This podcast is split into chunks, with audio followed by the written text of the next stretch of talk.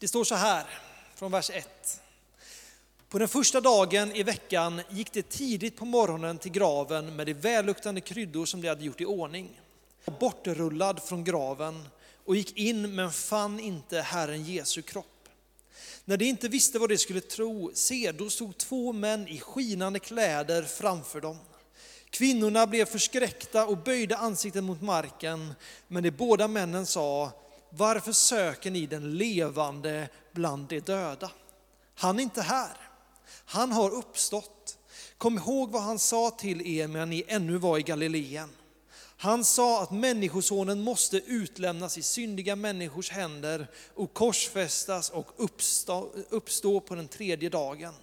Då kom de ihåg hans ord. Och de vände tillbaka från graven och berättade allt detta för de elva och för alla de andra. Det var Maria från Magdala och Johanna och Jakobs mor Maria. Också de andra kvinnorna som var med dem talade om det för apostlarna.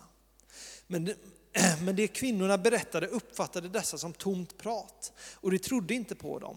Men Petrus steg upp och sprang till graven och då han lutade sig in såg han endast linnebindlarna och han gick hem fylld av förundran över det som hade hänt.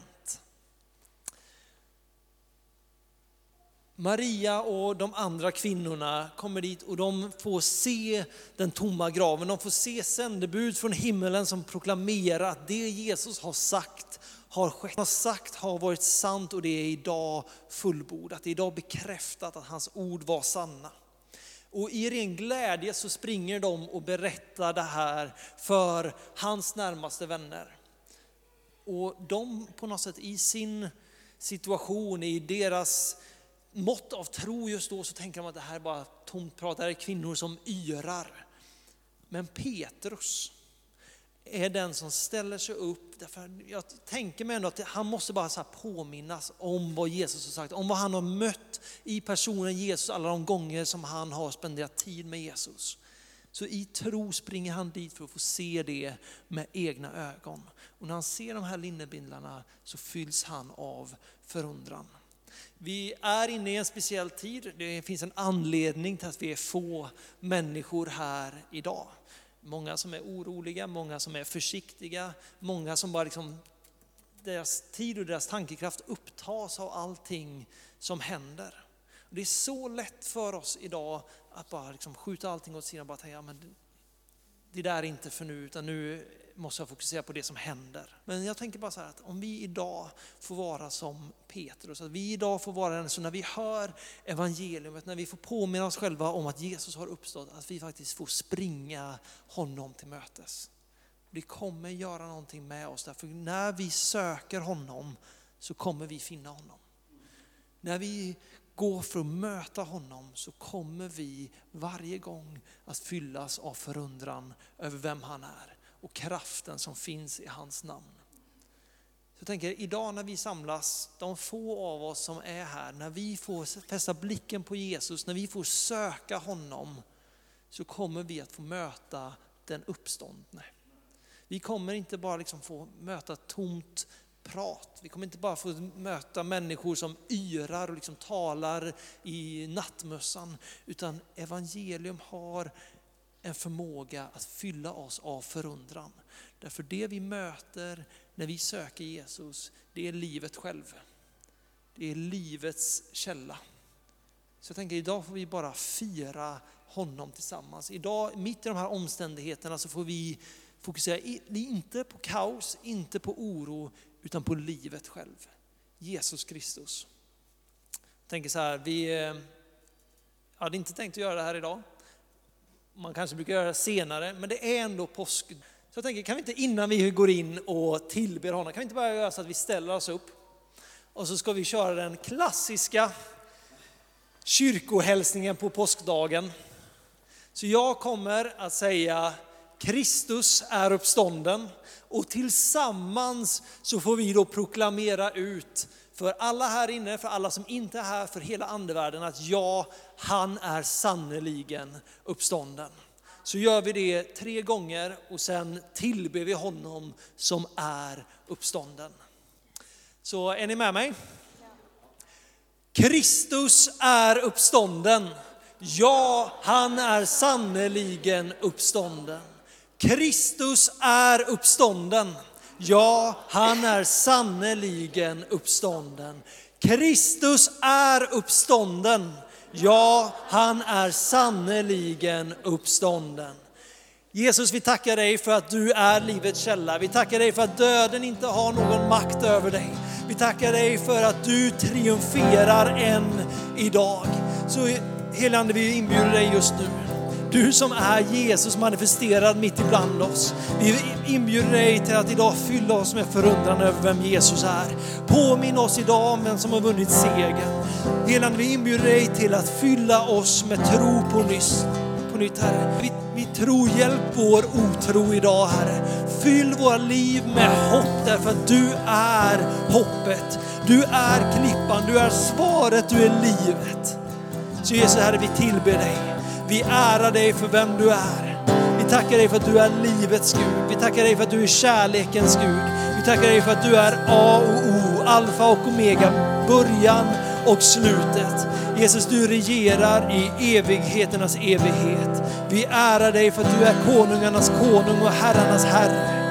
Jesus, vi älskar dig. Vi prisar dig. Vi är så här, vi vill bara idag bara lägga ner allt inför dig. Vi vill lägga ner allt som är av oss, allt som är av denna världen, Herre. Och idag vill vi börja knä inför dig. Vi vill att våra tungor får bekänna dig som Herre. Och vi säger välkommen kung Jesus. Välkommen kung Jesus. Nu tillber vi tillsammans. Tackar dig Fader i himmelen för att vi får eh, tro det, leva i det, leva av det. Hämta våran styrka, våran kraft mitt där vi står. Så kan vi fortsätta, att blicken fäst på dig Herre. Trons upphovsman, trons fullkomnare Herre. Som inte är beroende av omständigheter och svängningar utan du är konstant, alltid densamme. Där håller vi fast vid dig Herre. Där du håller fast vid oss Herre. Tack för att vi är burna Herre. Tack för att vi är satta, insatta tillsammans med dig Herre. Bort ifrån det som är synd, skuld och skam genom din nåd Herre. Genom att du dog så är dödens uppbruten. bruten. Kraften i död, förtappelse är krossad. Liv och överflöd i ditt namn är givet Herre. Tack för att vi är rättfärdiggjorda. Våran tro på dig är att vi är rättfärdiggjorda. Vår muns bekännelse leder till frälsning Herre. När vi står där inför dig med vår bekännelse och vår tro Herre, så är vi insatta i dig och vi sitter på en helt annan plats. Tillsammans med dig blir allting möjligt Herre. Tack för att det mörker, det är inte mörkt där du är. Ditt ljus tränger igenom. Amen. Amen, amen, amen. Härligt, tack så mycket. Vi får nog prisa Gud mer senare här. Vi gör det lite annorlunda idag. Jag tar en, en, ett ord här om uppståndelse och sen så går vi in i bön för Sverige och för varandra. Ehm, och så får vi bara deklarera den här uppståndelsesöndagen. Folk inte som vanligt i kyrkorna, men överallt över hela den här globen. Va? Så talar man om att vi tror att Jesus har uppstått ifrån de döda. Att som såg ut att vara nederlag vändes idag till seger i hans namn. Och min bön är det som Jesus ropar ut. Alltså jag, kom, jag läste igenom ett litet, ett litet häfte för, för en tid sedan. Och det som stack ut ur det här häftet är ett ord ifrån Johannes kapitel 7. Där Jesus ropar ut, står det. Jesus ropade, om någon törstar som kom till mig och drick. Den som tror på mig, ur hans innersta ska strömmar av levande vatten flytta fram som skriften säger. Och så under, som det inte står med här, så det, det sa han om den helige Ande som ännu inte hade blivit utgjuten. Men det finns strömmar av levande vatten. Det beror inte på dig och hur mycket kraft du kan hämta, inte omständigheterna, svängningarna i klimatet eller svängningarna i samhället. Det finns en kraft som vill komma och vara på din insida. Och jag ska försöka idag att göra under en väldigt, väldigt kort stund, 20 minuter, säga att det handlar inte så mycket om att du tror att han har uppstått från de döda. Utan det handlar om att du tror på honom som har uppstått ifrån de döda. Att ditt fokus inte får vara riktat på ett, en händelse, utan på personen som är centrerad runt omkring den händelsen och alla andra händelser. Det är namnet Jesus, är det enda namnet som kan frälsa. Jag är vägen, sanningen och livet. Ingen kan komma till Fadern utom genom mig. Han är den som öppnar dörren. Att vårt fokus får vara på han. Vi bara försöker kämpa med att tro att någon uppstår ifrån de döda. Det är en omöjlighet. Men när du tror på honom, han som har gjort det, så väcks tro på insidan för att det är möjligt. Inte för någon annans skull, men för att du vet vem han är och du känner att han vet vem du är. Erfarenheten av vem Jesus är, öppna den dörren. Vi eh, hade, menar jag, vi har inte längre, men vi hade en kines i vår familj. Ehm, eh, han, eh, han, var, han föddes för, vilket år nu det blir, 85 eller vad det nu än blir, 80, 83, ja någonstans, för, 03 menar jag, nu man blandar man ihop alltihop. Men han föddes då och han, han föddes som, som svensk men han kunde inte säga en del bokstäver så vi kallar honom för den lilla kinesen.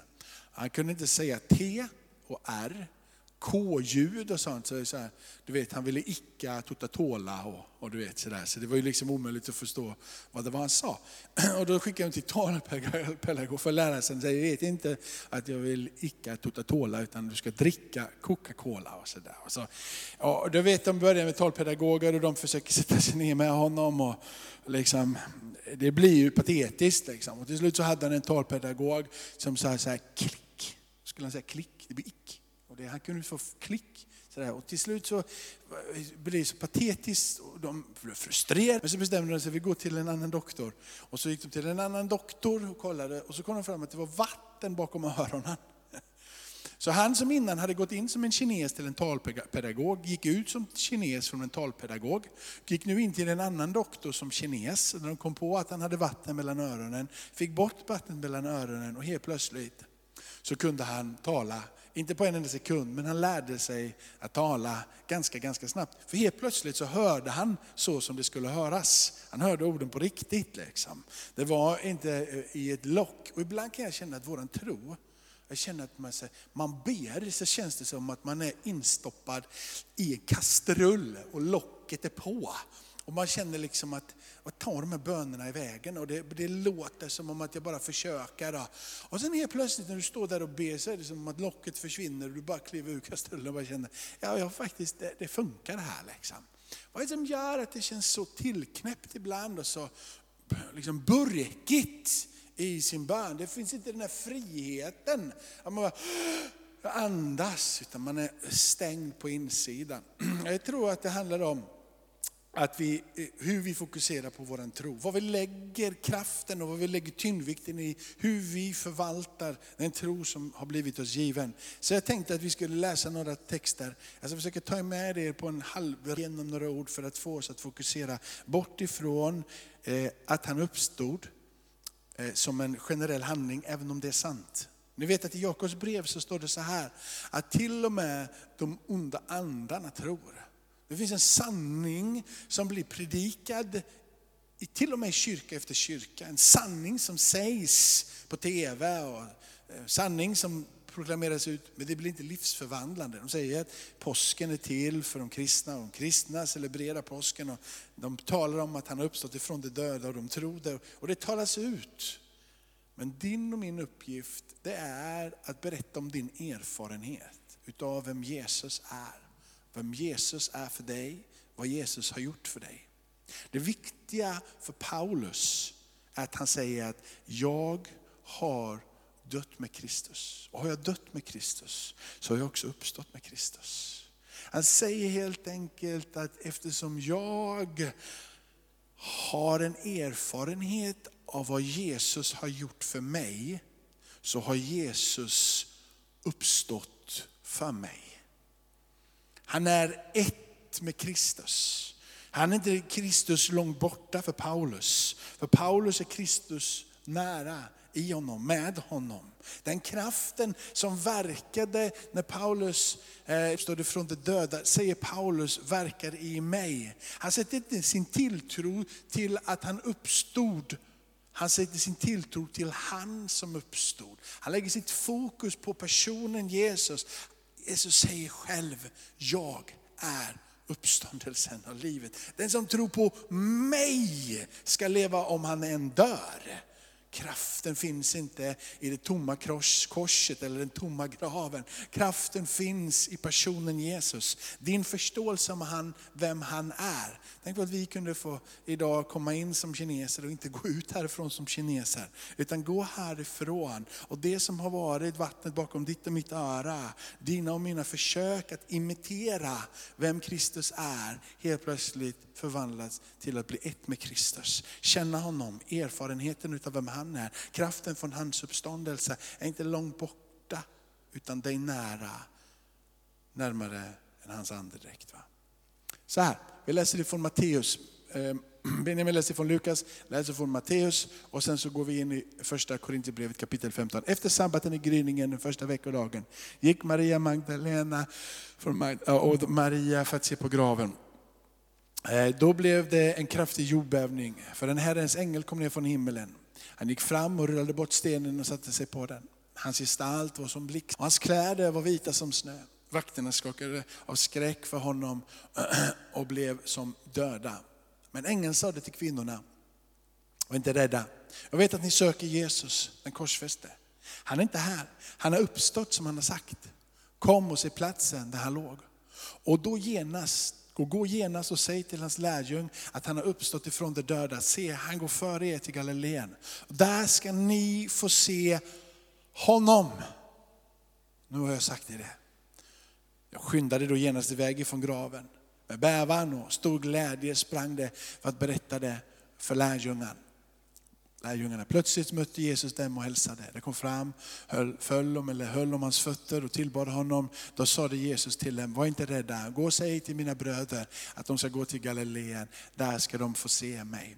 Han har uppstått ifrån de döda, men kraften ligger inte bara att han har uppstått ifrån de döda. Kraften som träffar Paulus och de andra lärjungarna ligger i det personliga mötet med honom. När de träffar honom så tror de på hans uppståndelse från de döda. När de möter med honom så får allting som Jesus har gjort här i det här livet en mening, det får en betydelse, det får sin kraft.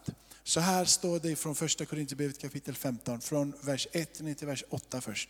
Bröder, jag vill påminna er om evangeliet som jag predikar och som ni tog emot och som ni står fasta i. Genom evangeliet blir ni frälsta om ni håller fast vid ordet som jag förkunnar. Annars var det ingen mening med att ni kom till tro. Jag förde vidare till er det allra viktigaste. Och jag själv har tagit emot att Kristus dog för våra synder enligt skriften, att han blev begravd, att han uppstod på tredje dagen enligt skrifterna och att han visade sig för Kefas och sedan för de tolv. Därefter visade han sig för mer än 500 bröder på samma gång. De flesta av dem lever än, även om några har insomnat. Sedan så visade han sig för Jakob och därefter för alla apostlarna. Allra sist så visade han sig också för mig som ett ofullgånget foster. Vidare så står det, från vers 12 till vers 20. Men om det nu predikat att Kristus har uppstått från de döda, hur kan då några bland er säga att det inte finns någon uppståndelse från de döda? Om det inte finns någon uppståndelse från de döda har inte heller Kristus uppstått.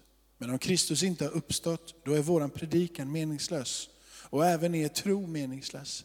Då står vi där som falska vittnen om Gud, eftersom vi vittnat om Gud att han uppväckt Kristus som man ju inte har uppväckt ifall det verkligen är så att döda inte uppstår. För om döda inte uppstår har inte heller Kristus uppstått. Men om Kristus har uppstått, då är er tro meningslös. Och ni är fortfarande kvar i era synder. Och i så fall är det som insomnat i Kristus förlorade. Om det bara är för detta liv vi har vårt hopp i Kristus, då är vi de ömkligaste av alla människor. Men nu har Kristus verkligen uppstått ifrån de döda som förstlingen av de insomnade. Så här står det vidare från vers 53 till vers 57. Detta förgängliga måste kläs i oförgänglighet och detta odödliga kläds i odödlighet. Men det förgängliga är klätt i oförgänglighet och det dödliga kläds i odödlighet. Då uppfylls de orden som står skrivet, döden är uppslukad i seger. Du död, vad är din seger? Du död, vad är din udd? Dödens udd är synden och syndens makt kommer av lagen. Men Gud var det tack som ger oss seger genom vår Herre Jesus Kristus. Han var alltså tvungen att dö. Han var tvungen att uppstå. Han var tvungen att krossa döden. Men din och min kraft ligger i mötet med honom. När Jesus är det som är centrum, så väcks det här till liv på din och min insida. Då blir det som är omöjligt möjligt. Då blir det som ser ut som mörker inte totalt nattsvart. Det som på en känsla på insidan kan upplevas som bottenlöst är inte längre bottenlöst. Men när du kämpar med att tro det här som är helt omöjligt att tro på. Om inte det är så att du har vittnesbördet och erfarenheten om vem Jesus är. En sann lärjunge, en sann lärjunge äger sitt eget vittnesbörd. Han har mött någonting, en sann lärjunge är inte en lärjunge som bara imiterar vad någon annan säger eller vad någon annan gör. Paulus, han strider emot hela kyrkan innan han får erfarenheten av vem Jesus är. Vi är sanna vittnen för att vi har mött med honom. Det finns en offentlig tro, den tron som är generell. Det är sant, men det frälser inte. Han har uppstått. Men när du tror på han som har uppstått, så har han uppstått för dig personligen.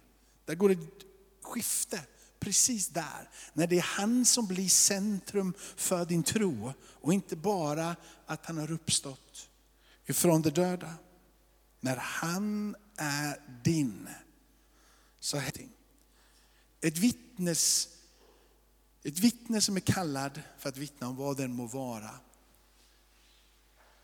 Eller ta generellt när det gäller bara vad, är det någon som har fått en nyupptäckt liksom, glädje i frimärksamling eller vad det nu är må vara, blommor eller något annat konstigt.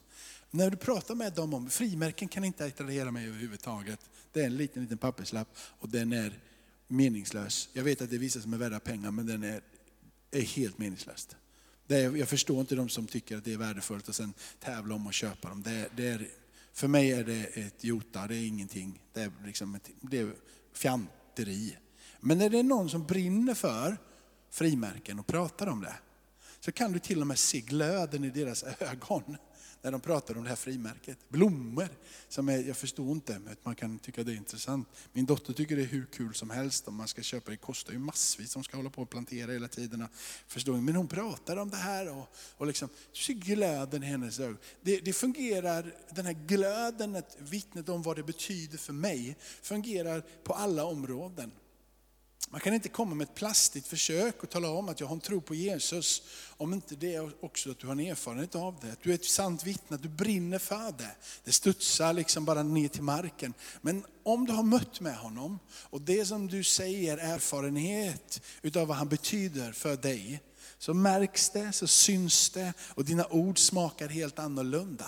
Det blir inte tomma ord när du står och sjunger, det blir sant.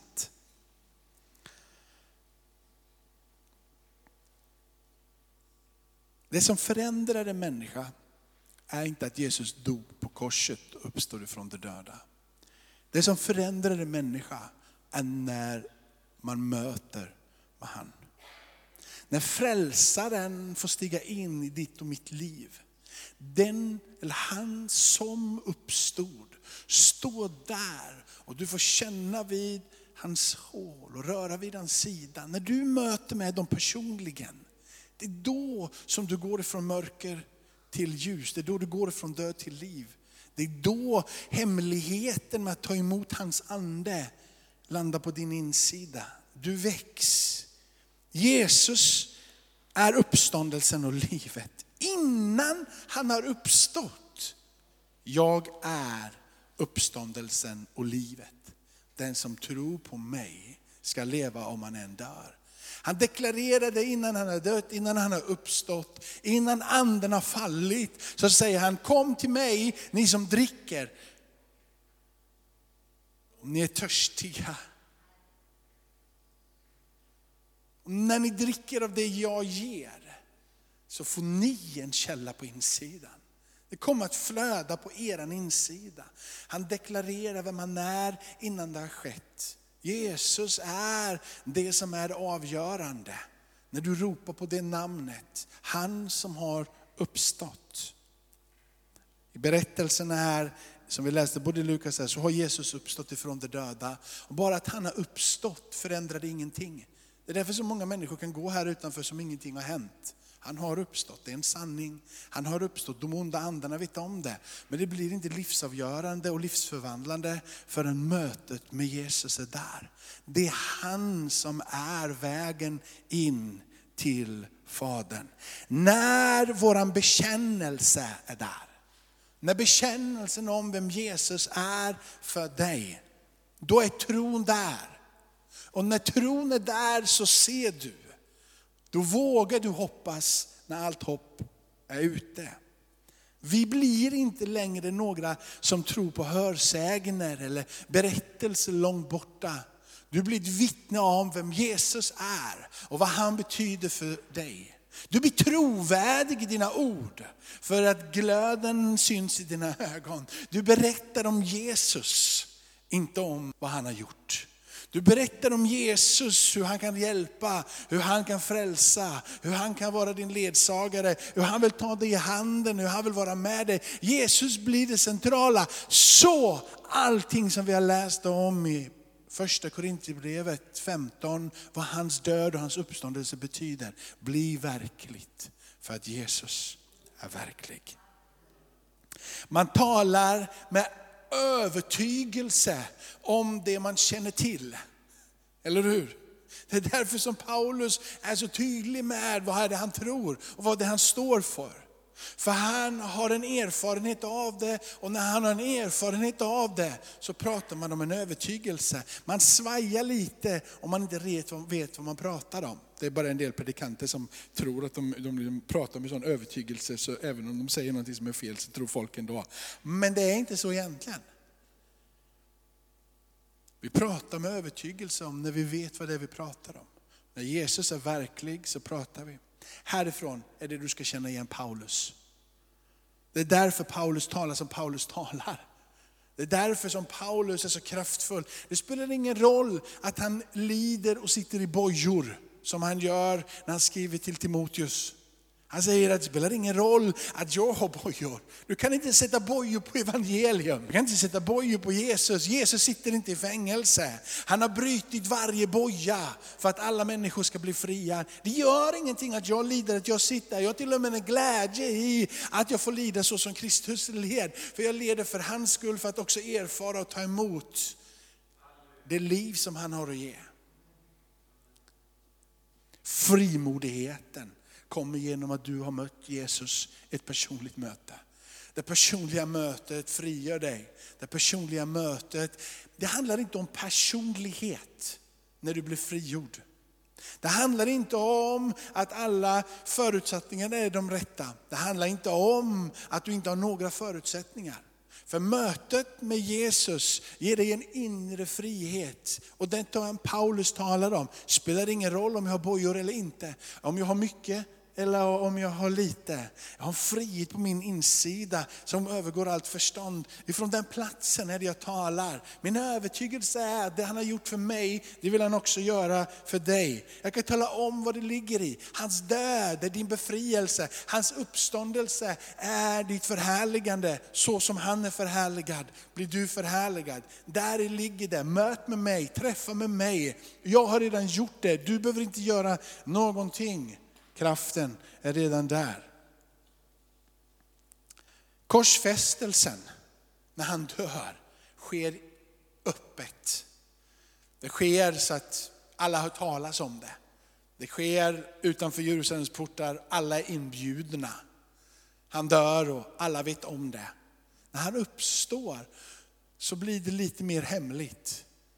När de eh, rullas bort stenen där av ängen i en berättelse, i en annan berättelse så är det liksom bara borta och så det är lite olika här. Men när de kommer dit så får de inte se hur Jesus bara uppstår, utan han är inte där. Det är som att när han uppstår så gör han det lite mer i skymundan. För att han vill möta med dig. Han vill vara uppstånden för dig. Han dog för alla.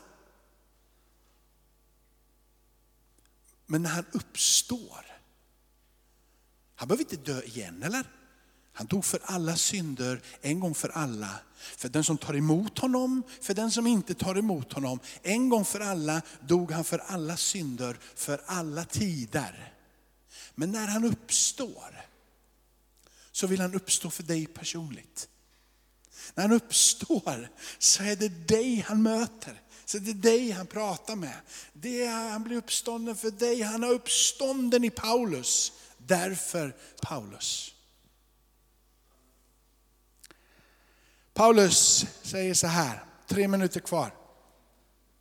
Allt som var en vinst för mig räknar jag nu som en förlust för Kristi skull. För att lära känna Kristus och kraften ifrån hans uppståndelse och dela hans lidande. Han uppmanar att låt ditt hjärtas ögon öppnas. Jag ber att det ska komma en uppenbarelse över er. Jag ber om insikt. Jag ber ifrån Efesierbrevet att hjärtan ska upplysas så att ni förstår hur oerhört stor makt han, hans makt i oss är som tror. Hans makt är kraft. Den verkar i den här stunden. Hans makt, står det, är oerhörd i oss. Det är en väldig kraft som är verksam. I Romarbrevet ser han ett uttryck för att den ande som uppväckte Jesus ifrån de döda, den ande är verksam i oss den här stunden. Han talar att det här ska leva genom anden. Genom mötet med mig så kan du få de här strömmarna på din insida där allting blir möjligt. Han säger att den här världens ande och den här världens makter har ingenting och kan inte röra dig. Johannes skriver i sitt brev att han som är i oss är större än han som är i världen. Det Gud har lagt i dig och mig genom Jesus, mötet med honom, gör att du blir frimodig. Det gör att du vågar tala med en övertygelse. Om du fortfarande vacklar, ropa på namnet Jesus. Försök inte tro att han uppstod. Ropa på namnet Jesus. Jesus kommer dig nära och han förklarar för dig vem han är och vilken makt han har. Paulus säger, ja, för det här målet kämpar jag. Men jag kämpar i hans kraft, för den verkar mäktigt i mig. Paulus säger, allt förmår jag i honom som ger mig kraft. Paulus åberopar inte det tomma korset eller den tomma graven. Paulus åberopar namnet Jesus. Alltså i det namnet och bara i honom så har jag kraft. Han förstår att han var tvungen att dö, han förstår att han var tvungen att uppstå ifrån de döda. Men han åberopar namnet. Han riktar sig mötet med honom, erfarenheten utav vem han är. Paulus har en tydlig bild av att hans Gud är stor. Han är hebre, född hebre. Han vet vem den osynlige levande guden är. Han vet vem som har makten i hela, från evighet till evighet. Men när han möter med Jesus så får han en övertygelse om att den kraften som verkade i Paulus, eller Jesus när han uppstod, den kraften den verkar. Han ropar på namnet Jesus. Därför så ska vi gå in i bön och ropa på det namnet. Så att du och jag får erfara mer av den kraften. Men det namnet kan förändra Sverige och världen. Den här epidemin som är och pandemin och cirkusen som är runt tv och corona. Att vi får bara ropa på det namnet som kan ge frid som övergår allt förstånd. Att vi kan fortsätta vara sunda i våra tankar och ta hänsyn till alla och vara hemma om du är smittad. Men vi kan ändå ropa till han som har all makt, att han får stiga in och bryta sönder den här förvirrade tiden. Amen. Be till Gud att du ska få kraft för helande, för läkedom. Att det som du ser som är sjukt och trasigt runt omkring dig, att du ska få tro på Jesus för att det ska fungera förvandling från död till liv. Från att vara nedbruten och trasig till att få ta emot läkedom och helande. Amen. Jag börjar be så lämnar jag över till Benjamin och lovsångsgänget kan göra er redo så får Benjamin leda oss vidare. Tackar dig Fader i himmelen att vi får ropa till dig. Att vi får stå den här stunden Herre och ropa på det namnet. Allting har vi i det namnet. Tackar dig för allting som vi förstår. När din död och din uppståndelse är där. Och vi får stå här idag på påskdagen och säga, graven är tom. Han lever, han lever idag. Och vi ropar på det namnet och mötet med det namnet ge oss en övertygelse, en erfarenhet. Där vi står mitt i ett kargt land, mitt i en tid av osäkerhet. Men med en trygghet på insidan med en blick fäst på trons upphovsman och fullkomnare, så vacklar vi inte. Även om det är trasigt, så är vi hela på vår insida, för vår tro är på dig Herre. Vi vet vem du är. Låt den här erfarenheten av vem du är få växa än mer till liv. Låt oss få bli kraftfulla i ditt namn Jesus. Låt oss få stå där Herre, saliga i ditt namn. Så vi kan få be för den här världen som är i kaos. Att du ville gripa in i världen, att du ville gripa in i de länder idag som är under sån panik och frustration. Sverige är med, men kanske andra länder, Italien, där, man, där man, liksom fattigdomen redan är stor. Det är ett västerland där fattigdomen är så stor. Och där det här viruset har slagit ett helt samhälle. När det liksom inte finns fyra miljoner eller vad det är som lever liksom på, på bara svarta löner. Det finns inget, inget socialt system som är i Sverige som fungerar, utan bara ett svart hål.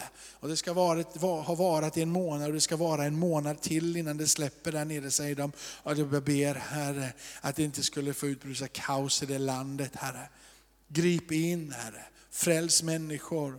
Det är ett katolskt land 1,3 miljarder katoliker över världen över. Det landet är oerhört hårt drabbat. Grip in, låt dem få hitta bort ifrån krångliga religiösa system och in i det enkla mötet med Jesus. In i mötet med dig, det livsförvandlande mötet med dig Herre. Där man har mött med dig och får en övertygelse som övergår allting Herre. Grip in Italien Herre. Vi ber att den här tiden skulle få leda till väckelse. Den tiden skulle få leda Herre till att människor hittar dig, finner dig, blir gripna och tagna utav vem du är Jesus. Bli stor i en tid av mörker. Inför dig Herre så upplever vi hur vi alla blir lika. Ingen skillnad på, på rik eller fattig, hög. Alla kan drabbas av det här viruset, Herre. Du ödmjukar hela mänskligheten. Vi står lika inför varandra, Herre. Men du är annorlunda. Du är större. Du är mäktig. Du är helig. Du är inte beroende av någonting. Men allting får sitt liv och sin kraft ifrån dig. Tack för att du använder den här tiden Herre. Tack för att du använder den här tiden så människor kan finna dig.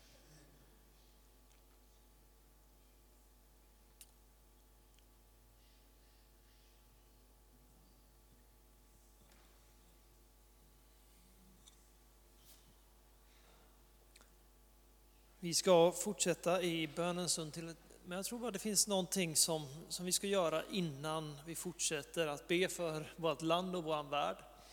Eh, och ni får göra det här fysiskt med mig om ni vill, men är det så att ni känner att kroppen inte håller eller så, så behöver ni inte göra det. Men jag tror att det finns just nu eh, en inbjudan till att böja knä inför Jesus.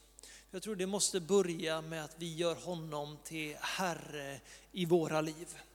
Eh, och jag tror att de flesta av oss har gjort det många gånger, men jag tror att idag på påskdagen är det en ny inbjudan att säga Jesus, du är Herre i våra liv måste börja med oss.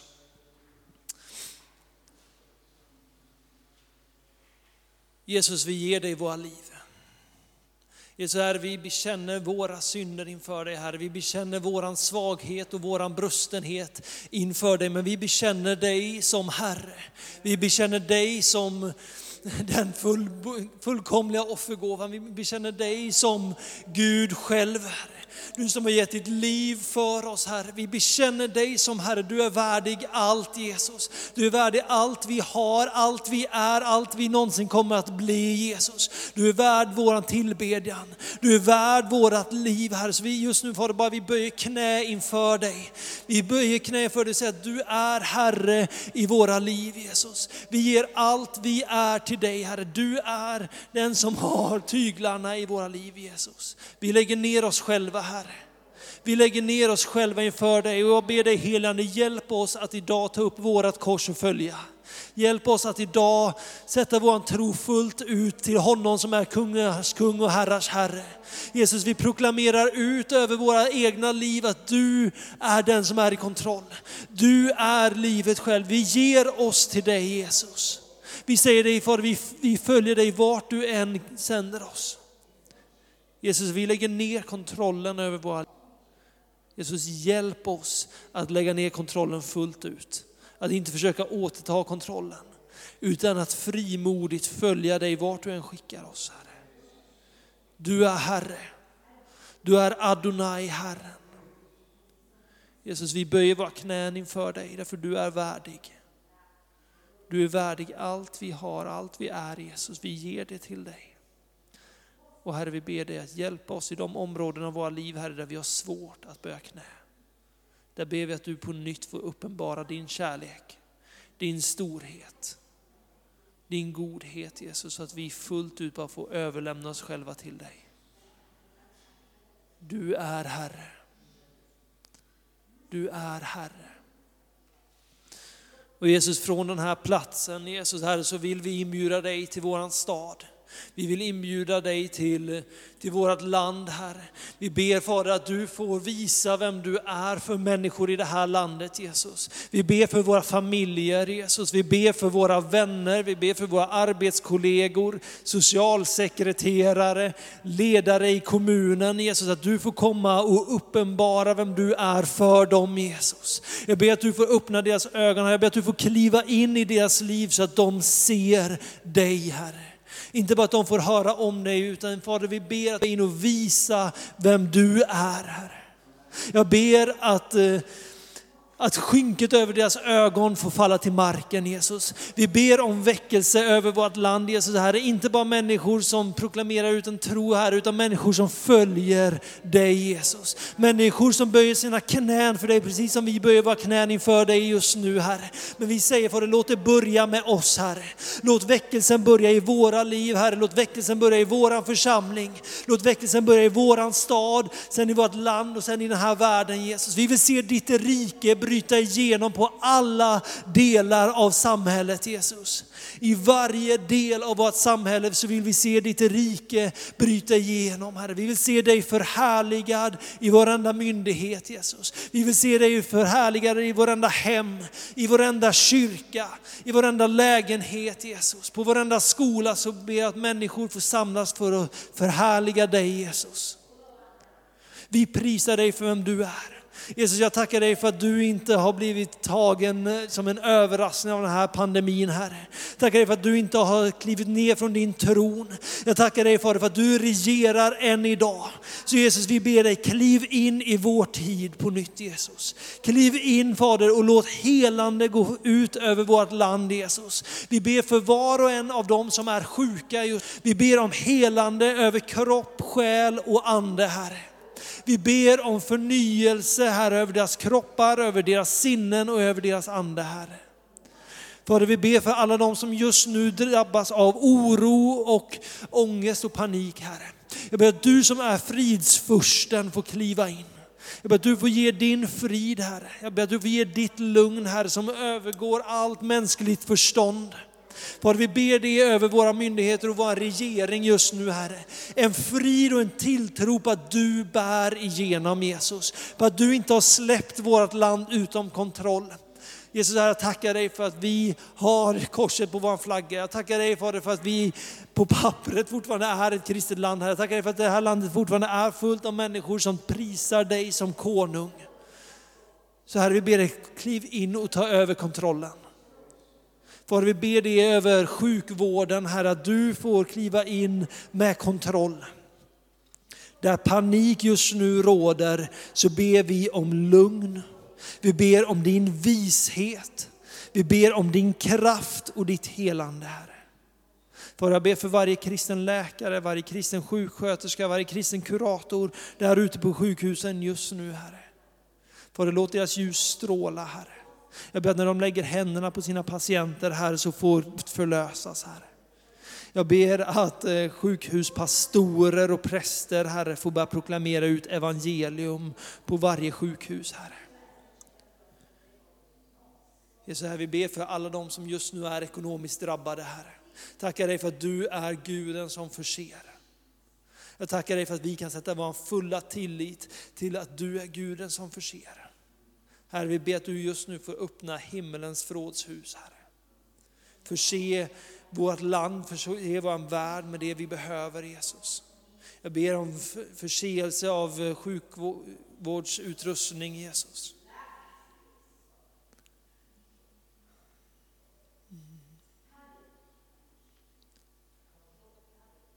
Jesus, du är Herre. Du har alltid varit Herre och kommer alltid vara Herre. Vi proklamerar ut att du är Herre Jesus, över allt, över alla.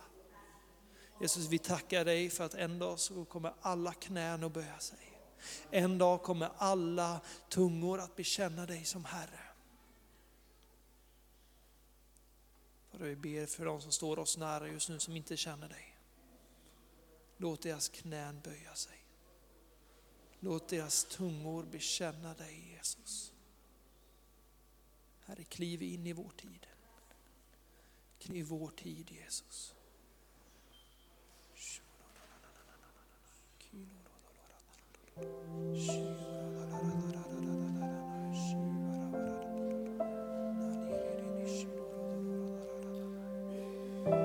Jesus.